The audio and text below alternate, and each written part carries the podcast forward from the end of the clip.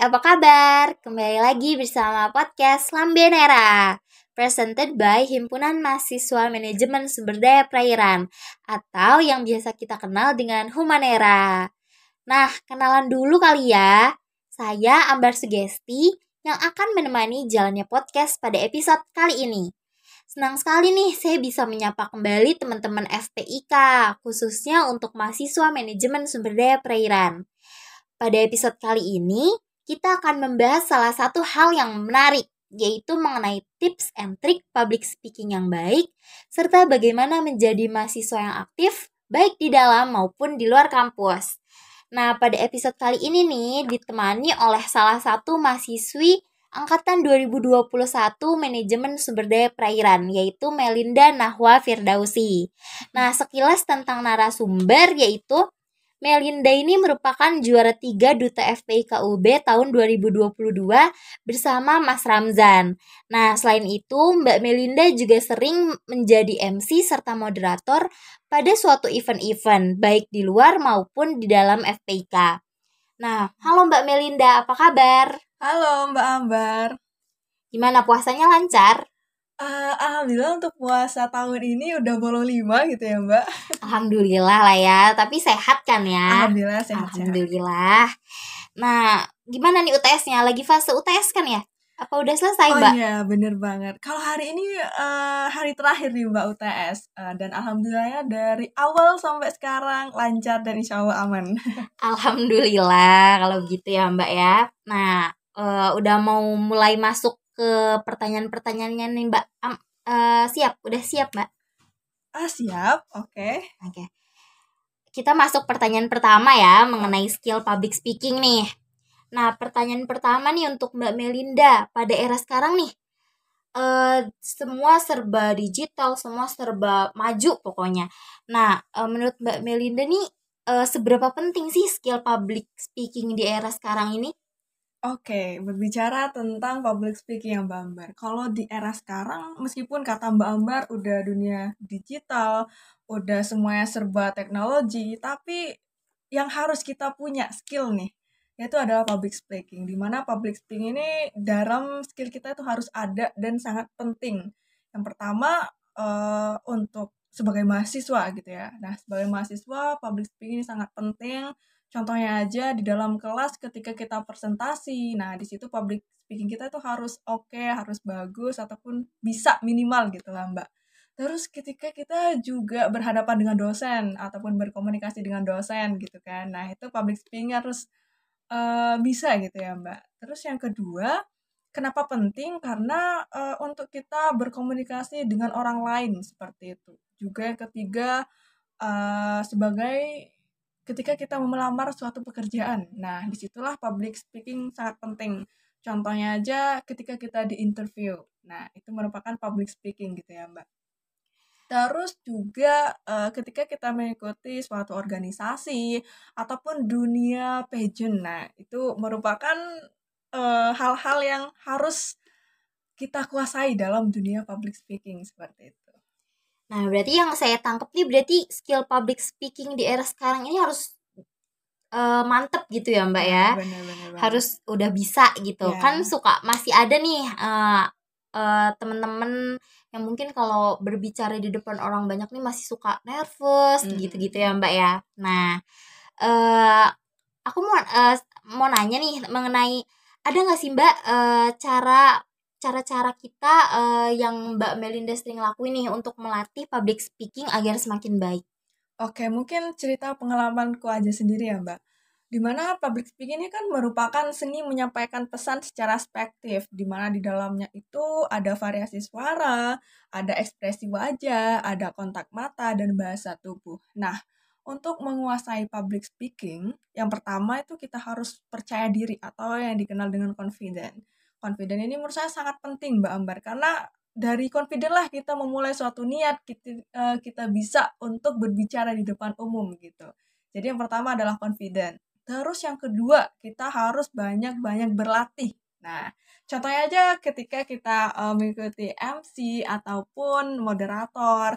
Jadi teks-teks yang kita bawakan itu harus dilatih tiap hari minimal uh, satu kali dalam sehari gitu ya Mbak. Jadi harus banyak-banyak berlatih, berlatih di depan kaca, di kamar mandi ataupun di kamar dan tempat-tempat yang senyamannya gitu. Terus yang ketiga, kita harus menguasai uh, panggung gitu. Jadi kenapa kita harus menguasai panggung? Karena ketika kita tidak menguasai panggung dan ketika kita blank, nah di situlah tidak bisa berkata-kata gitu yeah. Terus um, dari saya juga kita harus memahami konsep ataupun teks yang akan kita bawakan gitu. Ketika kita nanti blank, nah jadi kita tuh bisa ataupun uh, bisa membawakan uh, improvisasi gitu ya, ya Mbak ya. banget. Mungkin itu aja sih Mbak kalau dari saya. Nah, melihat jam terbang Mbak Melinda nih yang udah jago gitu ya tapi ada nggak sih mbak rintangan-rintangan yang sering mbak hadapi gitu saat sedang berbicara di depan orang banyak? Oke, kalau untuk pertama kalinya tuh pasti gemeteran ataupun nervous gitu ya. Udah keringetan semua. Nah, itu baru pertama kali uh, di acara ataupun diundang MC ya, Mbak. Oh, iya. itu. Uh, uh. Jadi yang pertama tuh pasti nervous sih, Mbak. Itu masalahnya. Masalah terbesar tuh nervous, blank, dan lain sebagainya. Nah, berarti uh, rasa nervous ini merupakan rintangan ya Mbak ya, apalagi untuk para pemula. Nah, ada nggak sih Mbak cara-cara yang Mbak lakuin nih untuk menghadapi rintangan tersebut? Yang Mbak tadi sebut nervous gitu misalnya. Okay. Itu cara Mbak mengatasi nervous tersebut gimana tuh Mbak? Oke, okay. kalau saya sendiri tuh yang pertama harus mempersiapkan materi yang akan kita bawakan. Itu yang pertama. Terus yang kedua, uh, seperti yang saya bilang tadi harus banyak-banyak berlatih di depan kaca gitu ya Mbak. Karena berlatih di depan kaca itu menurut saya sangat efektif gitu ya untuk kita mengetahui uh, letak kesalahan ketika ketika kita ketika public speaking gitu. Terus mungkin yang kedua uh, ketika kita berlatih direkam itu juga bisa oh ternyata salahku di sini ya, ternyata salahku di sini ya kayak gitu. Uh, itu aja sih Mbak kalau dari aku. Ber berarti itu ya Mbak cara-cara uh, beberapa cara yang bisa kita terapin nih untuk uh, melatih public speaking kita ya, gitu. Bener, Terus bener. biar bisa mengurangi kadar nervous kita gitu ya Mbak ya. ya nah, oke, okay, mengesampingkan nih mengenai topik public speaking. Mbak Melinda kan juara 3 Duta FPI KUB 2022 ya bersama Mas Ramzan. Nah, itu faktor apa aja sih Mbak yang mendorong kamu tuh untuk ikut pemilihan Duta FPIK kemarin? Oke, faktor pendorong ya.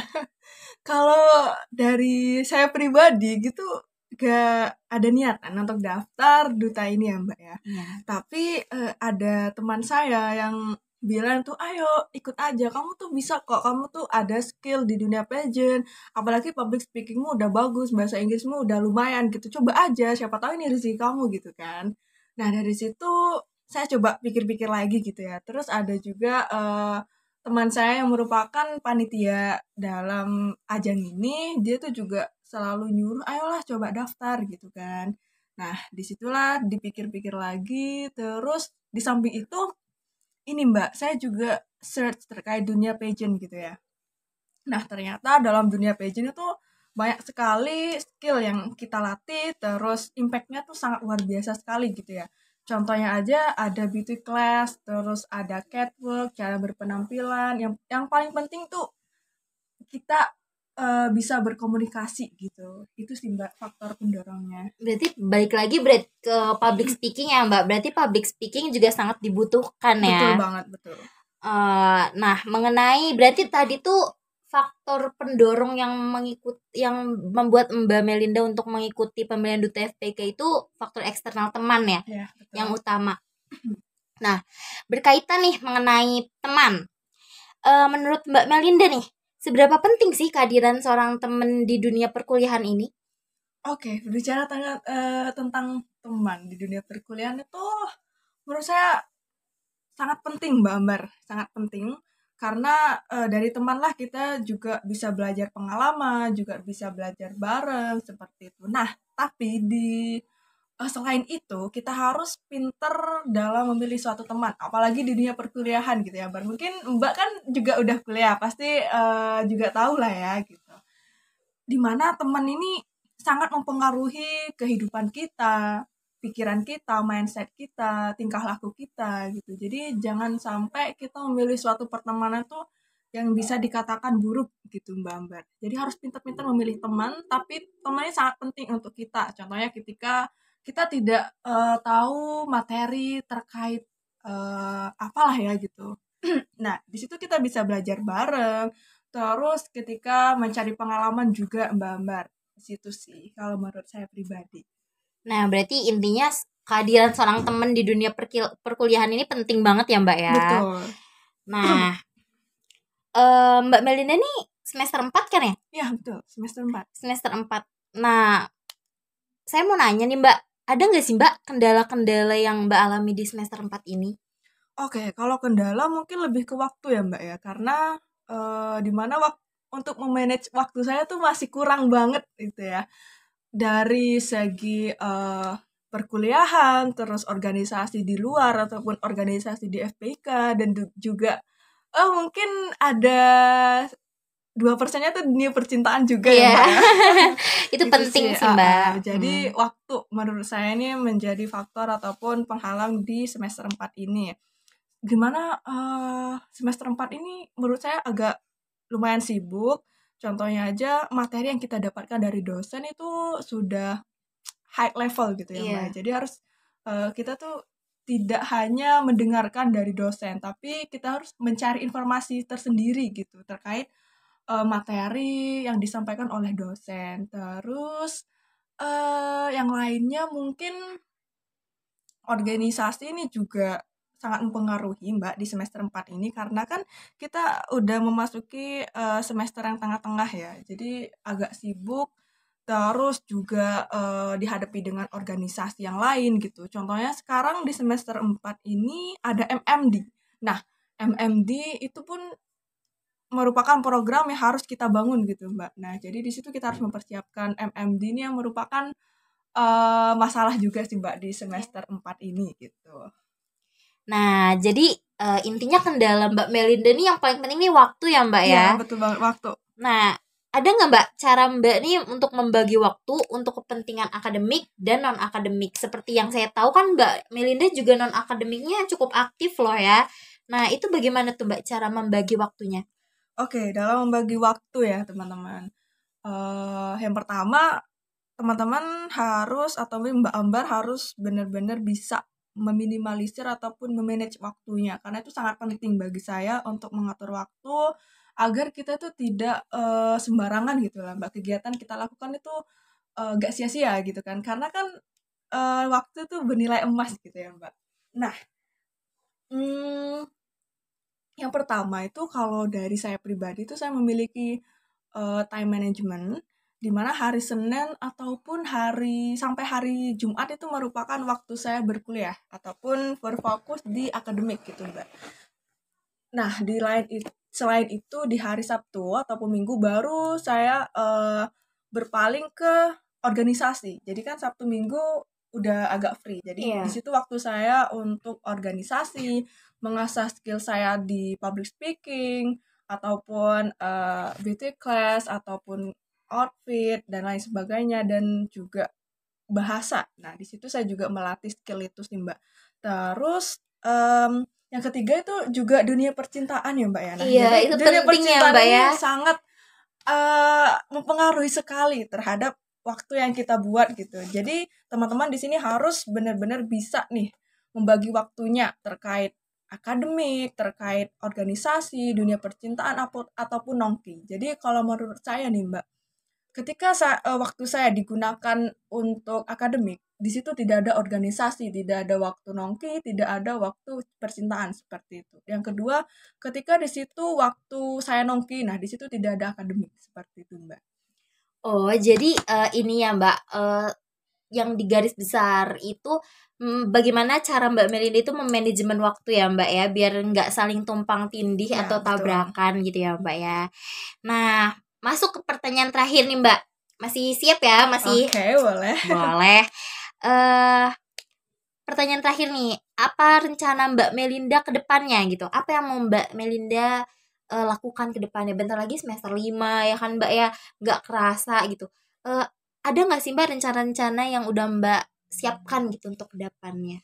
Oke, kalau untuk rencana ke depannya eh, di semester 4 ini saya sudah mengurangi satu demi satu organisasi gitu ya Mbak. Karena udah mungkin tubuh saya ataupun pikiran ataupun mental saya juga udah capek gitu jadi mengurangi organisasi itu terus yang kedua mungkin lebih fokus ke akademik gitu ya Mbak. Karena semester 1 sampai 3 ini saya masih belum mendapatkan tujuan di prodi yang saya ikuti gitu yeah. ya mbak. Uh, uh, jadi itu fokus akademik. Terus yang ketiga hmm, saya lebih fokus melatih skill bahasa. Nah, karena skill bahasa itu sangat penting. Apalagi bahasa Inggris gitu mbak. Ini sangat penting untuk kita pribadi.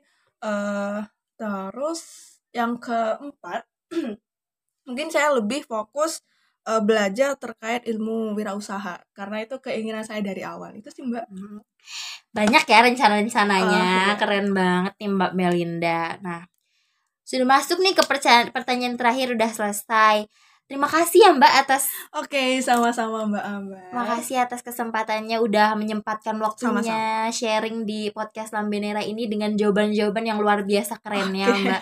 Makasih banyak. Uh, puasanya lancar-lancar ya Mbak. Sehat selalu. Terima kasih. Uh, nah, gimana nih teman-teman podcast Lambenera udah terbuka kan pandangannya mengenai public speaking yang baik tuh gimana sih? Nah, public speaking merupakan seni menyampaikan pesan secara efektif menurut Mbak Melinda ini sangat penting apalagi dalam dunia perkuliahan. Contohnya saat presentasi, event event wawancara pada saat ngomong di depan banyak orang itu sangat memerlukan skill public speaking yang mumpuni. Nah, salah satu kendala Mbak Melinda nih yang ada dalam public speaking yaitu uh, suka nervous Nah, nervous ini bisa diselesaikan uh, atau diberi solusi untuk uh, meningkatkan kembali rasa confidence kita. Bagi dengan cara sering berlatih, terus menghafalkan, sering membaca teksnya, terus sering berlatih di depan kaca juga merupakan salah satu solusi untuk mengurangi rasa nervous tersebut. Nah, selesai nih podcast kali ini buat teman-teman harus banget nih stay tune pantengin episode-episode podcast Lambenera selanjutnya. Saya Ambar Sugesti pamit undur diri. Sampai jumpa di episode selanjutnya. Bye.